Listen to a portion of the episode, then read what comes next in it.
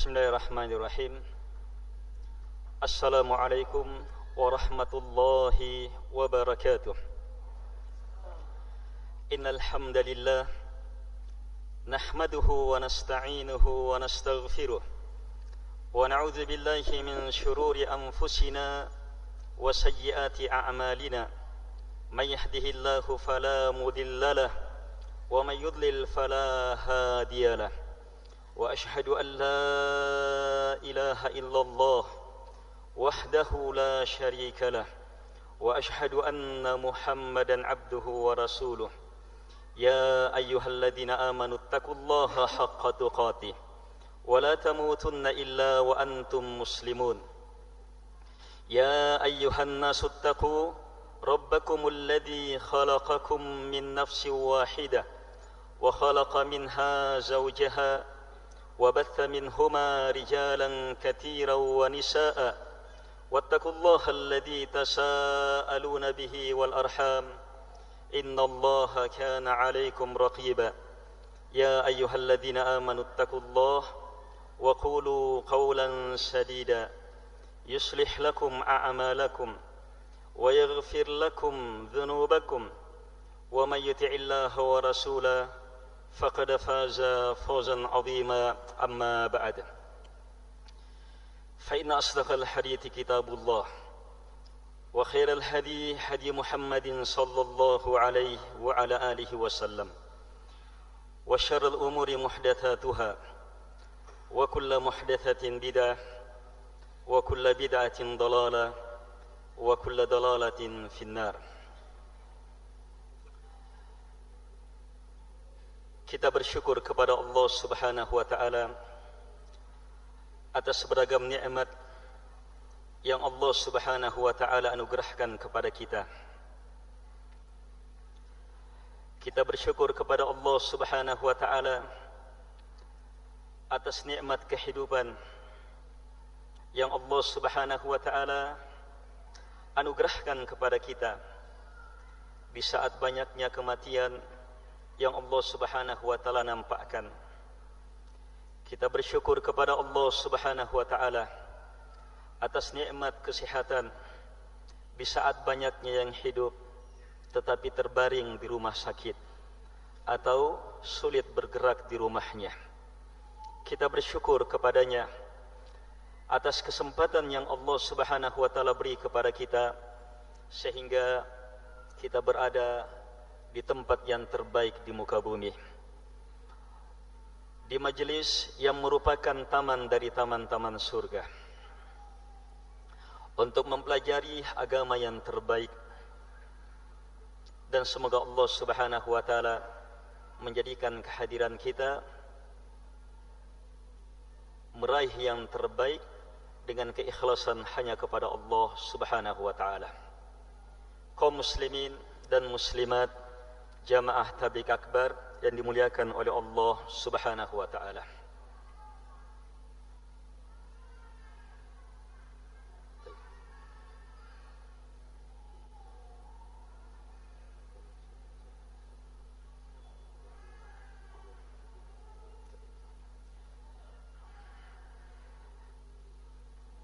Karena perubahan jadwal maka kami diamanahkan untuk memajukan materi hakikat keikhlasan dan pengaruhnya di waktu ini.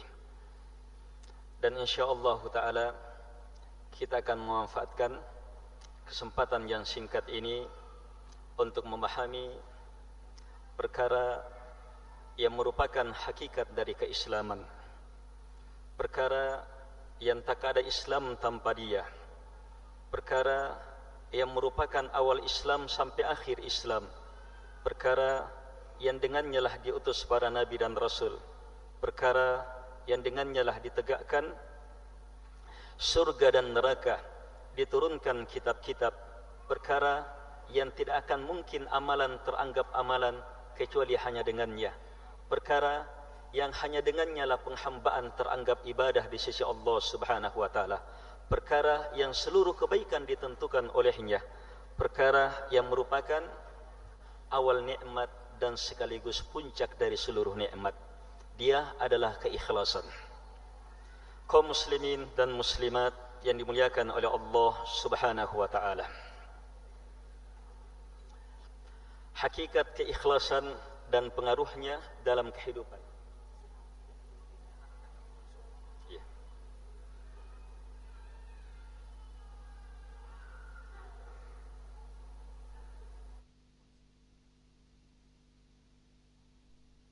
Hakikat keikhlasan dan pengaruhnya dalam kehidupan kita dunia alam kubur dan negeri akhirat. Ini adalah materi yang merupakan materi yang melingkup seluruh materi. Materi yang bisa dibahasakan dalam seluruh materi. Apapun judul maka ini adalah pembahasannya. Karena itu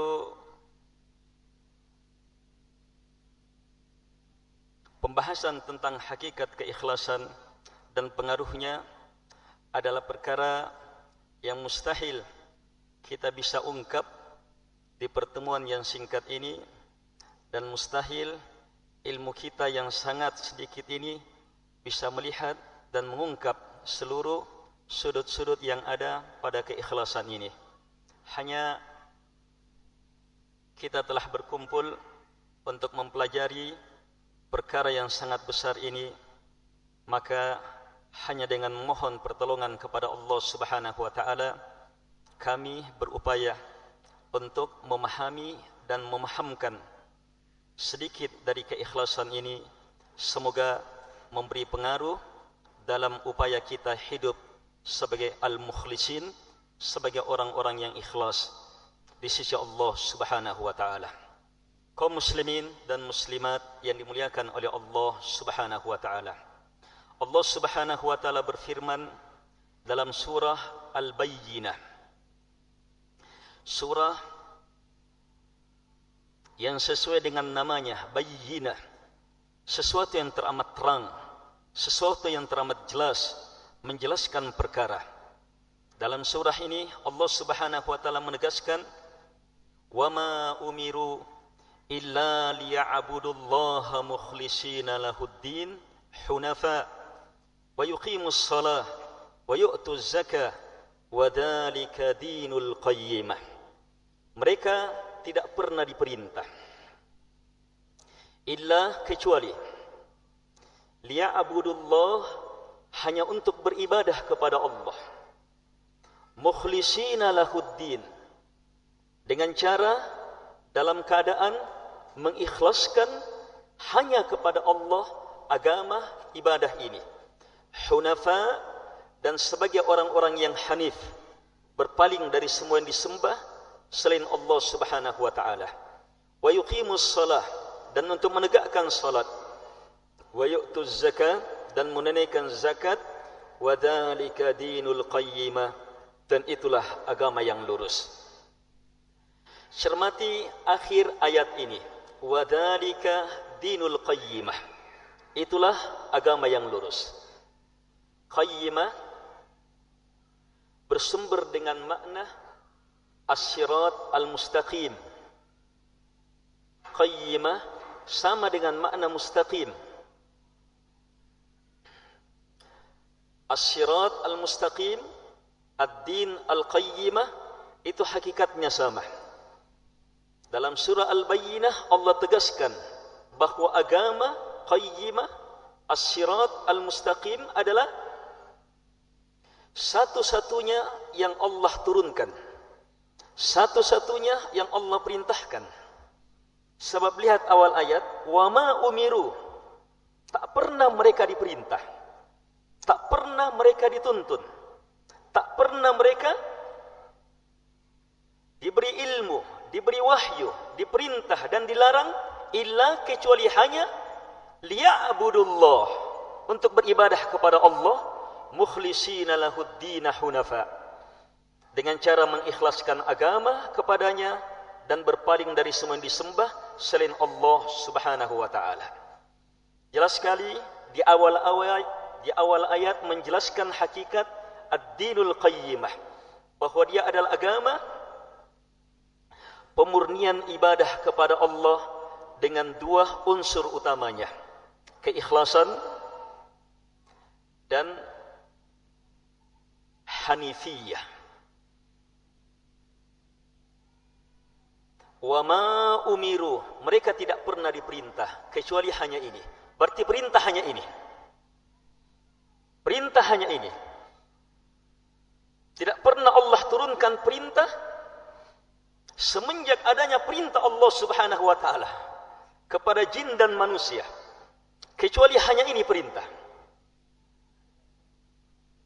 Inilah yang dibawa oleh semua nabi dan rasul yang diturunkan dalam setiap kitab yang diajarkan oleh seluruh pengikut Nabi dan Rasul. Perintah untuk beribadah kepada Allah dengan dua keadaan. Mukhlisina lahuddin hunafa. Mengikhlaskan agama hanya kepada Allah subhanahu wa ta'ala dan sebagai orang-orang hanif yang berpaling dari semua yang disembah selain Allah subhanahu wa ta'ala. Dari sini kita memahami bahawa agama yang didasari oleh keikhlasan ini adalah hakikat agama yang Allah Subhanahu wa taala turunkan. Selain itu bukan agama Allah Subhanahu wa taala.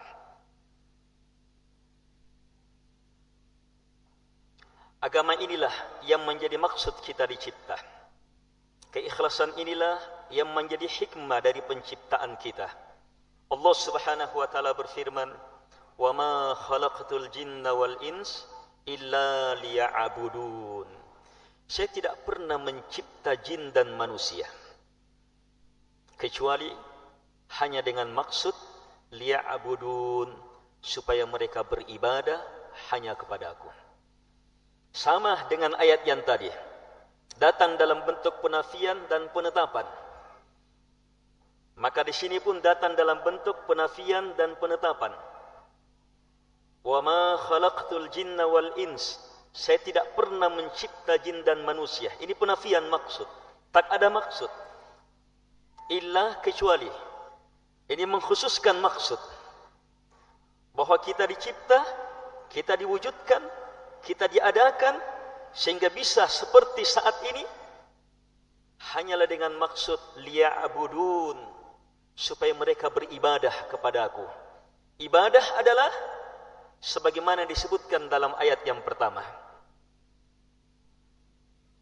Ayat yang pertama menjelaskan hakikat perintah adalah perintah beribadah. Ibadah apa? Mukhlisina lahuddin hunafa. Jadi ayat yang pertama terdapat dalam surah Bayyinah sebagaimana namanya Bayyinah menjelaskan segalanya. Karena itu semua kata ibadah yang kita jumpai dimanapun dari ayat Al-Quran maupun hadith Nabi arahkan kejelasannya pada surah Al-Bayyinah ini. Bahawa ibadah bahawa ibadah yang Allah perintahkan adalah ibadah yang ditegakkan mukhlisina lahuddin hunafa. Karena itu datang penafsiran as-salaf dari kalangan sahabat tabi'in atba'ut tabi'in, imam-imam ahli tafsir bahawa liya'budun maknanya adalah liyuwahhidun.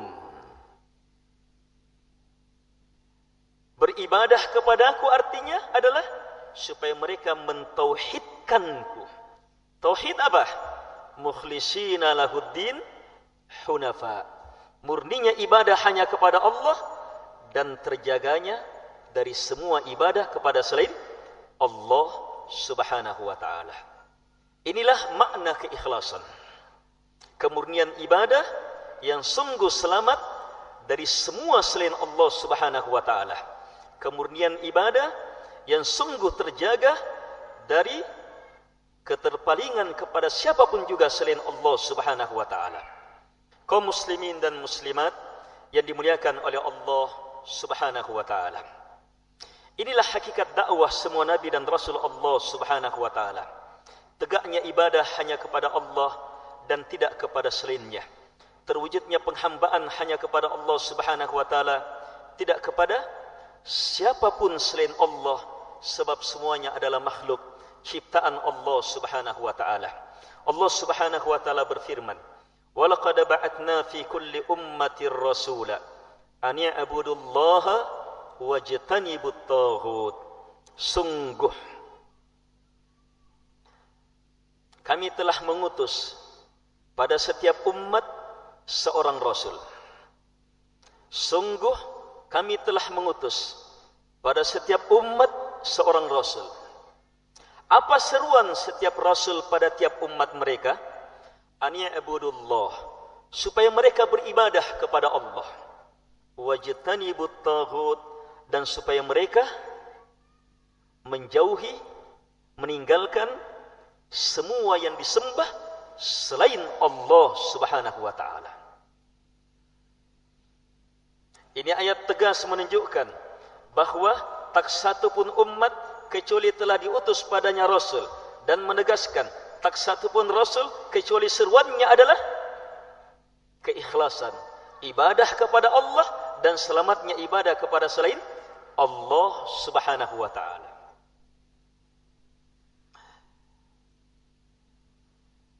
Untuk memahami lebih dalam, lebih tepat nas-nas Al-Quran dan Sunnah tentang hakikat keikhlasan, maka cermati kata ibadah, kata ikhlas dan kata hanifiyah adalah kata yang saat disebutkan secara tersendiri maka dia melingkup yang lainnya.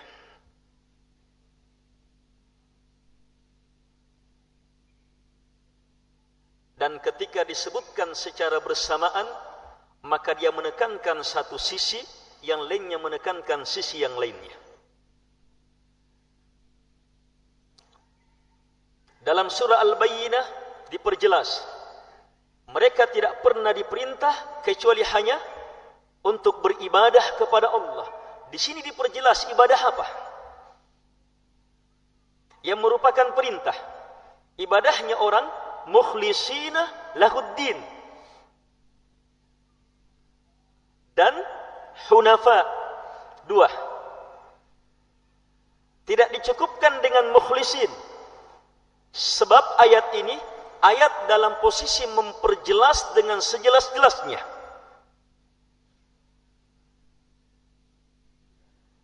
Kejelasan yang dengannya saat kita cermati maknanya akan terbuka bagi kita banyaknya orang yang salah paham tentang hakikat ibadah, hakikat keikhlasan dan sekaligus hakikat hanifiyah. Cermati, mereka tidak pernah diperintah kecuali hanya ini. Berarti hanya ini perintah. Apa itu? Liya'budullah. Supaya mereka beribadah kepada Allah. Allah tidak cukupkan hanya untuk beribadah. Tapi diperjelas ibadah apa? Ibadahnya orang mukhlisina lahuddin. Dalam keadaan mengikhlaskan agama mengikhlaskan ibadah itu hanya untuk Allah. Murni kepada Allah. Keikhlasan dan kemurnian dalam beragama itu masih terkaburkan dalam sebahagian orang. Tetapi kekaburan ini akan segera sirna saat kita lanjutkan dengan kalimat hunafa. Sebagai orang yang mukhlis murni ibadahnya hanya kepada Allah dan sebagai orang yang hanif. Apa itu hanif? Dari kata hanaf berpaling menjauh menghindar. Hunafa bentuk jamak dari kata hanif. Hanif kata sifat mubalaghah sangat hebat dalam hanaf, sangat hebat dalam berpaling, betul-betul mahir, pandai dan jitu, berhasil dalam berpaling. Berpaling dari apa? Dari semua yang disembah selain Allah, dari semua yang dimaksudkan kepada selain Allah. Berpaling dari semua yang disembah yang dimaksudkan selain Allah itu sudah masuk dalam makna keikhlasan. Tetapi ayat ini terdapat dalam surah Bayyinah harus jelas. Keikhlasan pun dipertegas bahawa di dalamnya terkandung makna hunafa berpaling dari semua yang disembah selain Allah Subhanahu wa taala. Sebab banyak orang yang berbicara tentang keikhlasan hanya fokus bagaimana mengharap kepada Allah, bagaimana mencintai Allah, bagaimana takut kepada Allah, bagaimana beribadah kepada Allah. Sementara terlalaikan bahawa keikhlasan justru harus beriringan dengan berpaling dari semua yang dicintai selain Allah. Yang diharapkan selain Allah, yang ditakuti selain Allah. Dan itu terbukti. Iya. Dari banyak puncak usaha kita. Ikhlas secara umum hampir merata orang pahami adalah lawan dari ria. Benar, ini salah satu lawan dari ria. Ikhlas artinya tidak mengharapkan pujian selain Allah Subhanahu wa taala. Nanti kita akan ungkap bahawa ini satu dari iya, lawan keikhlasan. Itu pun yang ini banyak-banyak orang saat terkena penyakit ria, usaha yang dilakukan hanya satu sisi saja. Bagaimana fokus mengharap kepada Allah.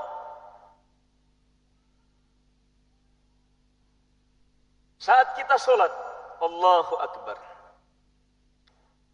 Seorang murid, iya, saat solat kemudian datang ustadznya. Atau seorang pegawai kemudian datang kepala dinasnya. Atau seorang prajurit kemudian datang solat di sampingnya komandannya. Muncul ajakan ria. Banyak-banyak upaya kita kalau sadar untuk menghindar dari ajakan ria hanya bagaimana fokus. Bagaimana fokus? Kita pahami, ikhlas adalah bagaimana mengharap hanya kepada Allah. Padahal ikhlas adalah bagaimana mengharap kepada Allah dan tidak mengharapkan pujiannya komandan. Kalimat terakhir tidak mengharapkan pujiannya banyak terlalaikan dari kita. Sehingga kesulitan selamat dari ajakan riak sebab hanya fokus pada sisi penetapan. Sementara sisi penafian adalah penentu keikhlasan. Surah al-bayyinah memperjelas ini. Mukhlisina lahuddin langsung digandengkan dengan hunafa. Keikhlasan harus bergandengan dengan hanifiyah berpaling dari semua yang disembah selain Allah Subhanahu wa taala.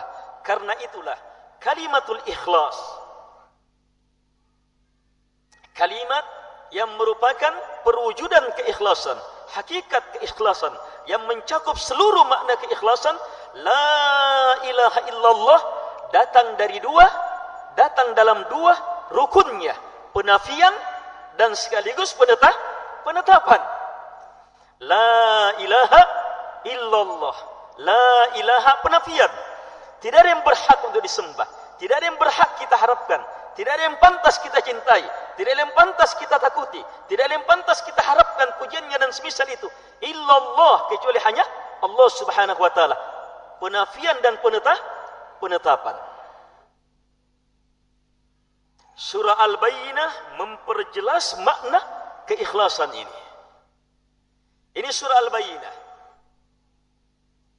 Tapi ketika kata ibadah disebutkan secara tersendiri, maka pahamilah sebagaimana disebutkan dalam surah Al-Bayyinah. Dia di dalamnya sudah melingkup keikhlasan, murni ibadah kepada Allah dan berpalingnya hamba dari semua disembah selain Allah Subhanahu wa taala.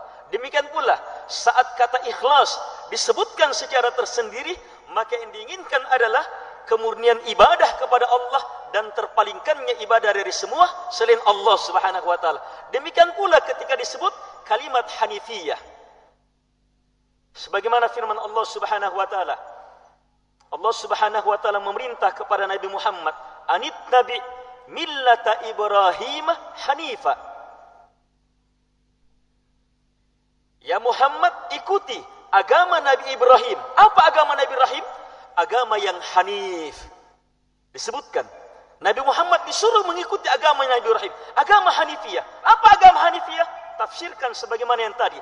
Ibadah kepada Allah, ikhlas hanya kepadanya dan terpaling terpalingkan dari semua yang disembah selain Allah Subhanahu wa taala. Ini pendahuluan untuk memahami uraian nas-nas untuk memahamkan hakikat keikhlasan dan pengaruhnya di sesi selanjutnya insyaallah taala. Semoga bermanfaat. Lebih dan kurangnya mohon dimaafkan. Subhanakallahumma bihamdik asyhadu an la ilaha illa anta astaghfiruka